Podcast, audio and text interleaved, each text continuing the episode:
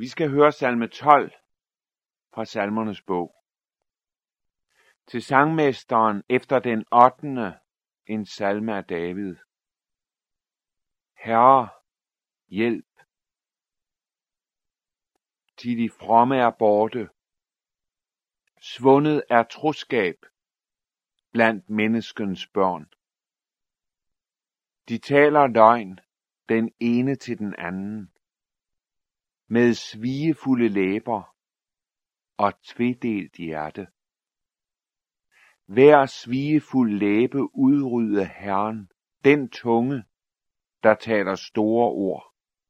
Dem, som siger, hvor tunge gør os stærke, hvor læber er med os, hvor er vor Herre.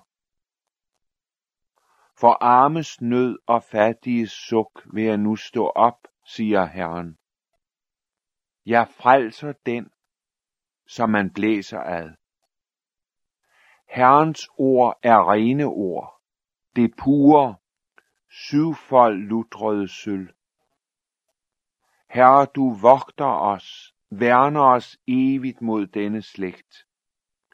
De gudløse færdes frit over alt, når skarn ophøjes blandt menneskens børn. Amen. Hvad gør David? Når der ikke længere er nogen, han kan vende sig imod her på jord.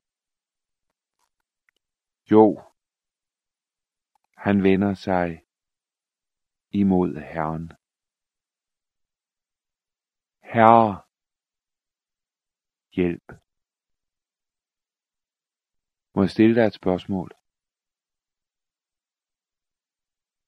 Hvornår har du sidst sagt de ord? Er du i den situation, at du ikke tror, det nytter at komme til Gud? Er du så langt ude, så du mener, at ikke engang Gud kan hjælpe dig? Der vil jeg sige til dig, du tager fejl. Det kan godt være, at du har mødt mange svigefulde læber. Det kan godt være, at du har gjort erfaring af det samme som David. At mennesker taler løgn. Det kan også være, at en af dem, som du aldrig ville drømme om løg for dig, virkelig har gjort det. Så kan du føle, at grundvolden i dit liv, den vakler.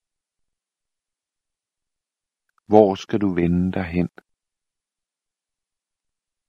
For troskab, det er ikke længere noget, der er blandt menneskens børn.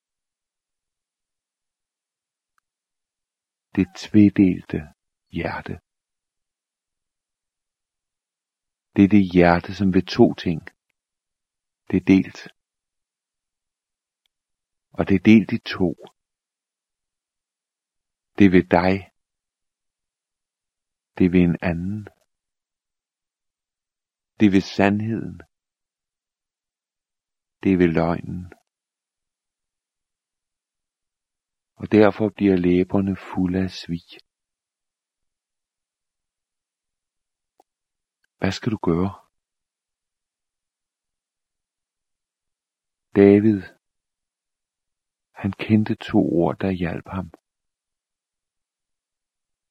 Det er ordene Herre, hjælp.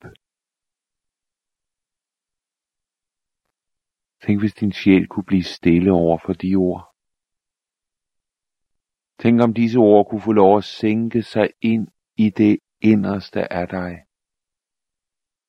Herre, hjælp. Hjælp mig, Gud. Den bøn, den hører Herren. Han hjælper den, der er derude hvor du må komme til ham og kaste dig ind på ham. Bed om hans nåde, om hans styrke, om hans kraft. Herre, hjælp.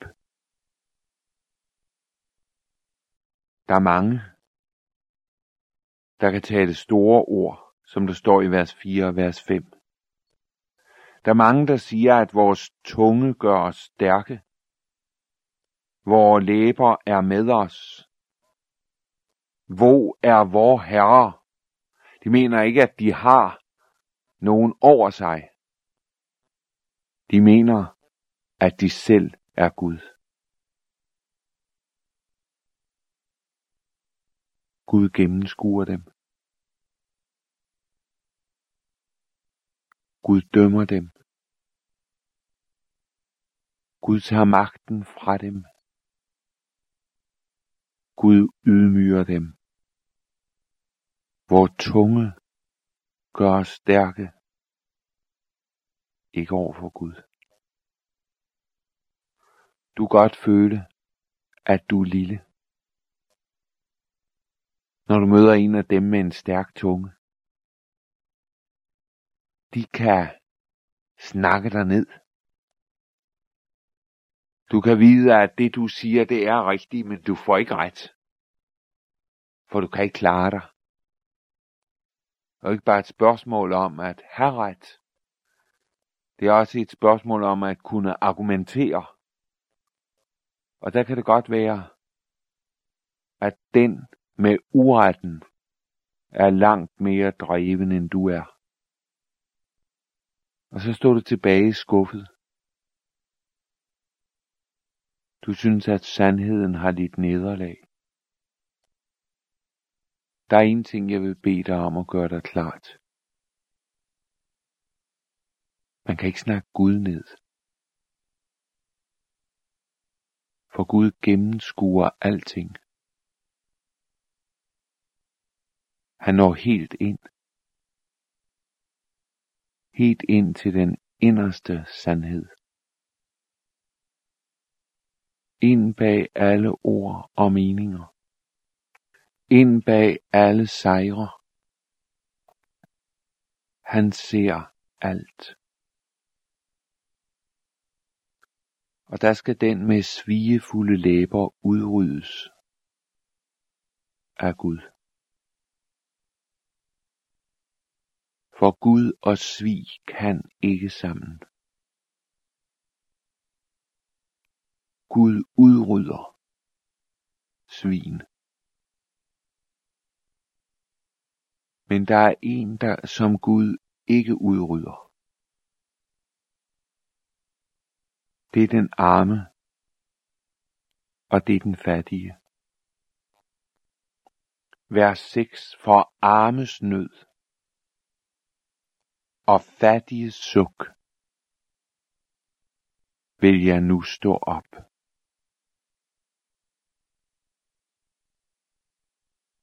Gud han kender den, der er i nød. Det er i og for sig ikke nøden, der giver os nogen ret. Det er nåden, der gør det.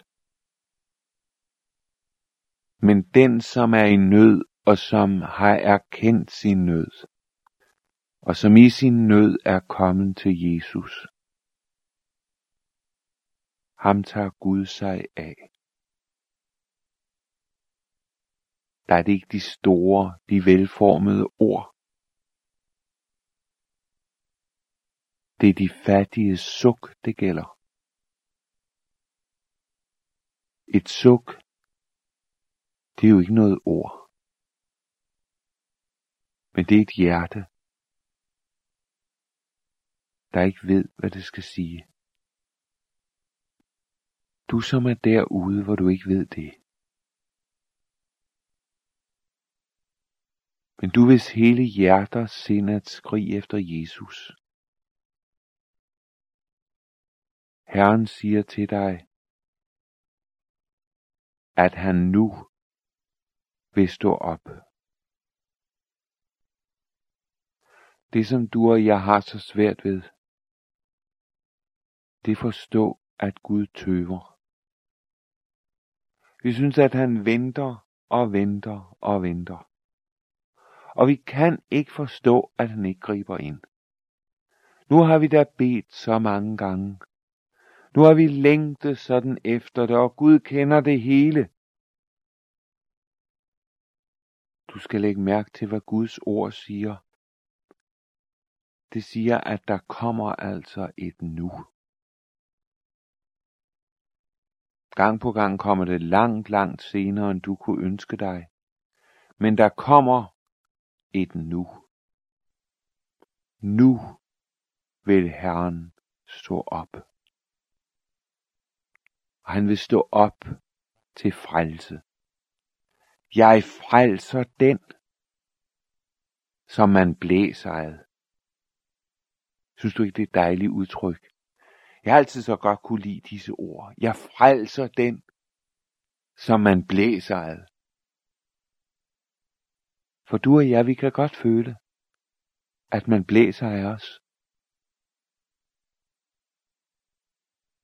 Synes ikke vi noget som helst.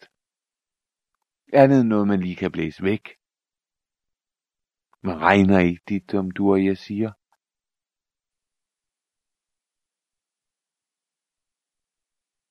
Men Gud siger, jeg frelser den, som andre ikke regner. Jesus han er forunderlig. Da han gik her omkring dig, frelste han dem, som disciplene ikke regnede.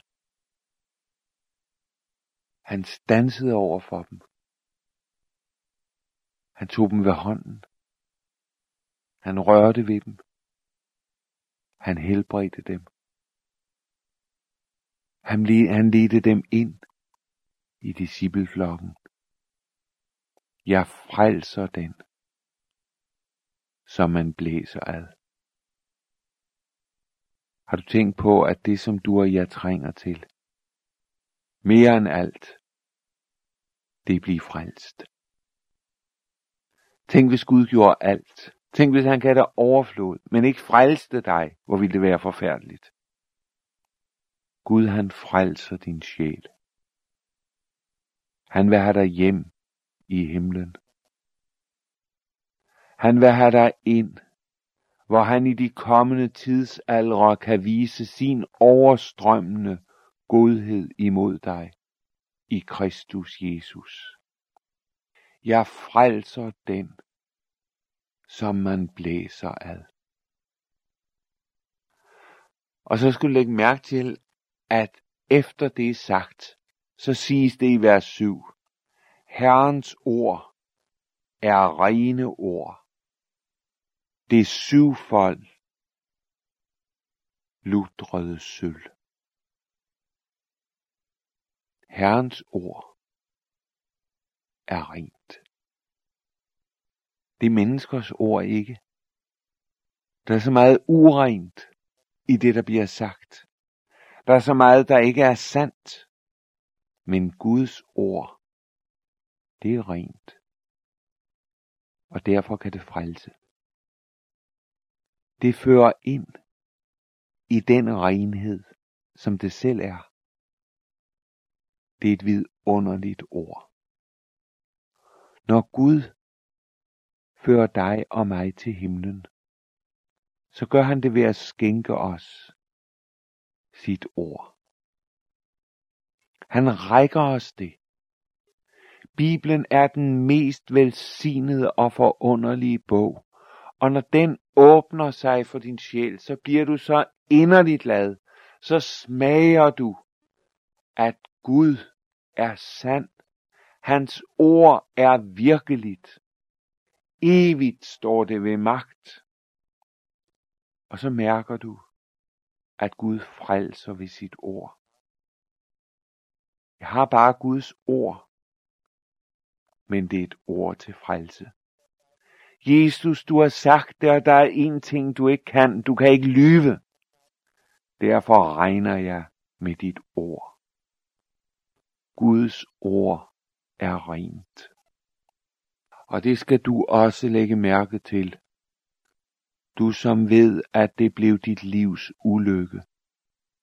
At du kom ind i svig. At du bedrog dig selv. At dit hjerte blev tvedelt. Du skal ikke fortsætte din vandring frem mod fortabelsen.